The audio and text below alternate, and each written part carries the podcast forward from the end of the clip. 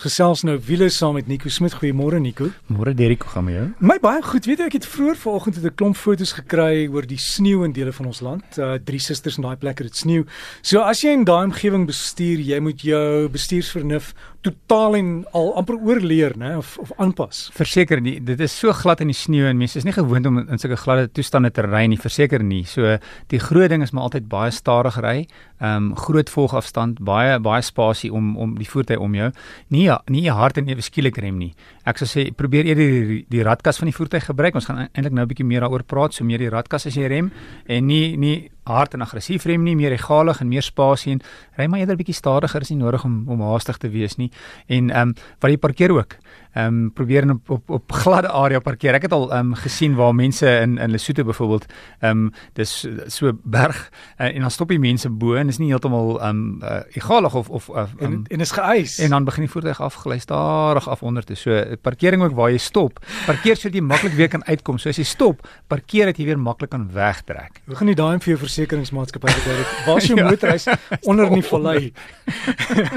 maar Nico nee, dis dis dis ernstige saak hmm, en iemand het ook vir my vroeër gesê as jy wegtrek en eers te gly, dan moet jy in tweede weg. Kan jy Dis 'n goeie plan, ja, verseker. Wat gebeur is, ehm um, is te veel wrinkrag op die wiele en en en met ander woorde, tweede rad is nie 'n slegte idee om om weg te trek nie. Baie outomatiese radkaste sal jy sien daar's 'n 'n 'n winter seating. En eintlik wat dit al wat dit beteken is die voertuig trek weg in tweede rad.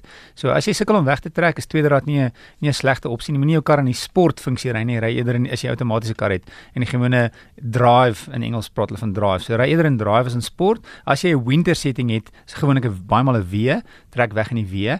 As jy sukkel om weg te trek ook in die sneeu, wat gaan gebeur as jou jou ehm um, vasdrap beheer in Engels praat hulle van traction control kan ook jou voertuig ehm um, keer om weg te trek want sodra daar wieltol is, die die stelsel vergelyk die voor en agterwiele en as daar ja. verskillende rotasie is, dan gaan hy die krag sny. So as jy dan sukkel om weg te trek is dis daai dis dat die meeste van die karre nou so prentjie van 'n so geel prentjie, ehm um, vir karretjie wat so wat so gly wiele wat gly onder dit het.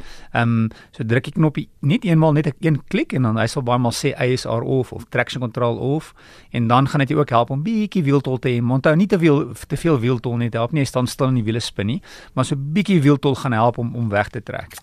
Dan het jy ook gesê tegnologie help deesdae vir jou om te kyk na die verkeerssituasie, parkering. Ja, dis ongelooflik interessant. Ek het nou in Duitsland gesien nou ons um, is ek nou byvoorbeeld na kom ons sê in die oggend wil ek Johannesburg toe ry dan uh, kyk ek op my foon vinnig um, navigasie um, en dan wys hulle vir jou daar is die verkeer in 'n geel blokkie wys die verkeer beweeg stadig, rooi blokkie wys hoor jy dis nie 'n goeie idee nie, verkeer staan stil. Ehm um, maar in Europa in, in die navigasie in die karre is nou al so gevorderd en dis eintlik al die die, die vir 'n rukkie so as jy byvoorbeeld na kom ons neem nou kom ons sê jy's in Duitsland en jy wil na Munich toe gaan. Kan jy net die navigasiesisteem sê hoorie ek wil parkeer in die, in, in die middestad van Munich? Is daar parkering beskikbaar? En dan wat gebeur is as jy ehm um, jy hy sal vir jou sê wat hier's hierdie parkeer ehm um, garage en hy het 150 parkeerplekke en daar's tans 30 beskikbaar. Jy sê kyk na ehm um, OR Tambo lughawe, dis al klaar so tipe stelsel as jy byvoorbeeld ingaan, ek weet nie of jy al gesien baie mense weet nie waarvoor is die liggies nie. Jy sal sien daar's rooi liggies en groen liggies. Die rooi liggies wys vir jou daai daai parkering is geneem en die groen liggie wys vir jou daai parkering is beskikbaar. So as jy nou net daai stelsel goed kan gebruik, kan jy basies dan sê hoor hier by by die lughawe op elke vlak is daar soveel parkerings. Maar die interessante gedeelte is dit is nou op die volgende stappie. So uh, as jy gaan Google ehm um, Parkopedia En wat Parkopedia is, ehm um, dit is 'n 'n 'n 'n 'n toep um, of 'n app Ek gebruik net 'n toepassing, 'n ja. toepassing. Ehm um, hulle sê ook hulle is in 75 lande in in 8000 stede.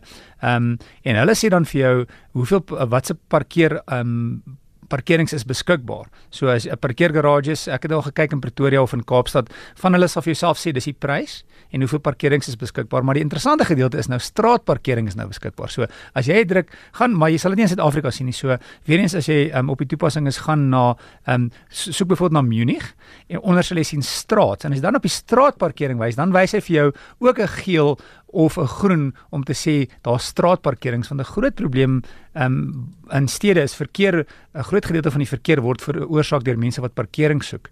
So as jy nou Parkopedia gebruik selfs net op jou foon, um, oor see kan hy vir jou sê straatparkerings hoeveel is beskikbaar. Nou op hierdie stadium is dit nog werk bietjie aan die historiese hulle sal sê luister op 'n Woensdag weet ons 3 uur of 12 uur in die middag is hierdie parkerings gewoonlik oop, maar in die toekoms begin karre meer en meer ehm um, as jy sodra 'n kar aan die internet verbind is, begin die kar karre met mekaar praat, hulle praat van car to Hulle X. is kinder. Hulle is kinder, hulle sê weet wat jy doen. Maar nou as as jy as jou kar byvoorbeeld net wanneer jy in die straat ry verby parkerings, kan die kar in die toekoms sê luister ons gebruik die parkeersensors en soos jy ry kyk die parkeer die die die die kar net eenvoudig is hierdie parkering oop. Ehm um, ek kan selfs die kamera gebruik en dan na sentrale stelsel sê hoorie daar's soveel parkerings oop. So Parko Parkopedia byvoorbeeld word meer en meer akkuraat. So as jy parkering soek, kan jy um, jou navigasie gebruik. Jy kan Parkopedia gebruik en dan sal hy sê hoor hier is soveel parkerings net een straat links Woe, hier's hier's 'n paar hier's 'n hele groen lyn, so hier's hier's vyf parkerings beskikbaar. So dis die toekoms van van navigasiesisteme, dis nou net vir parkering. En dan net vinnig wil ek gou praat, ek het 'n vraag gehad. Waarom het passasiersvoertuie en bakkies nie uitlaat gas remme? In Engels praat hulle van exhaust brakes. Jy sal dit byvoorbeeld hoor as jy ehm um, Natal toe ry, baie dan hoor jy dit as op die bergpas, die vragmotors in binnekant dan hoor jy hoe so geraas, ehm um, luggeraas effek, effektiewelik van die vragmotor. So wat wat lugremme is of exhaust brakes is, hulle blok die remstelsel. Sodra die blok remstelsel blok is daar meer druk in die stelsel en dan gebruik hulle daai lug in die stelsel um, in Engels praat hulle van engine braking. Met ander woorde jy gebruik dan die die engine van die van die vragmotor om te rem in plaas van die remme.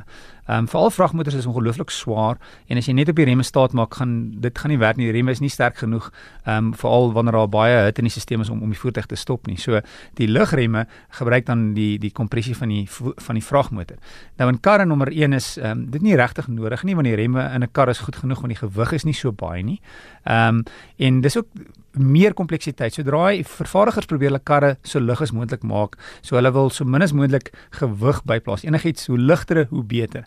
So in 'n kar is dit nie nodig nie, um, nommer 1, maar ek sal nog steeds aanbeveel dat jy jou remme of jou radkas gebruik as jy rem. So selfs as wat ons vroeër gepraat het, as jy 'n bergpas is, ehm um, veral wanneer jy die voertuig begin gelaai word of jy sleep, is gebruik eerder die remme. So as jy op 'n bergpas ry, ehm um, of enige lang afdraande, as jy byvoorbeeld in 5de rad is, gaan eerder 4de rad, 3de rad, selfs as jy spoed genoeg is, 2de rad, sodat die revolusies van die engine hoër is as jy in 'n handrad voertuig is, jy die koppelaar gelos sodat jy minder remme kan gebruik en meer staat maak op die kompressie van die engine. Ehm um, die nuwe outomatiese voertuie is al so gevorder baie van hulle so sodra jy rem en en die voertuig kyk na die na die hoek ehm um, die afdraande hoek as die die helling genoeg is dan gaan hy outomaties sal hy voel die kar ewe skielik nou maar hoekom gaan hy die die radkas gebruik want die die voertuig sê weet jy wat ons spaar die remme deur eerder die kompressie van die engine te gebruik. So dis basies hoekom ons nie nie lugremme gebruik in voertuie nie.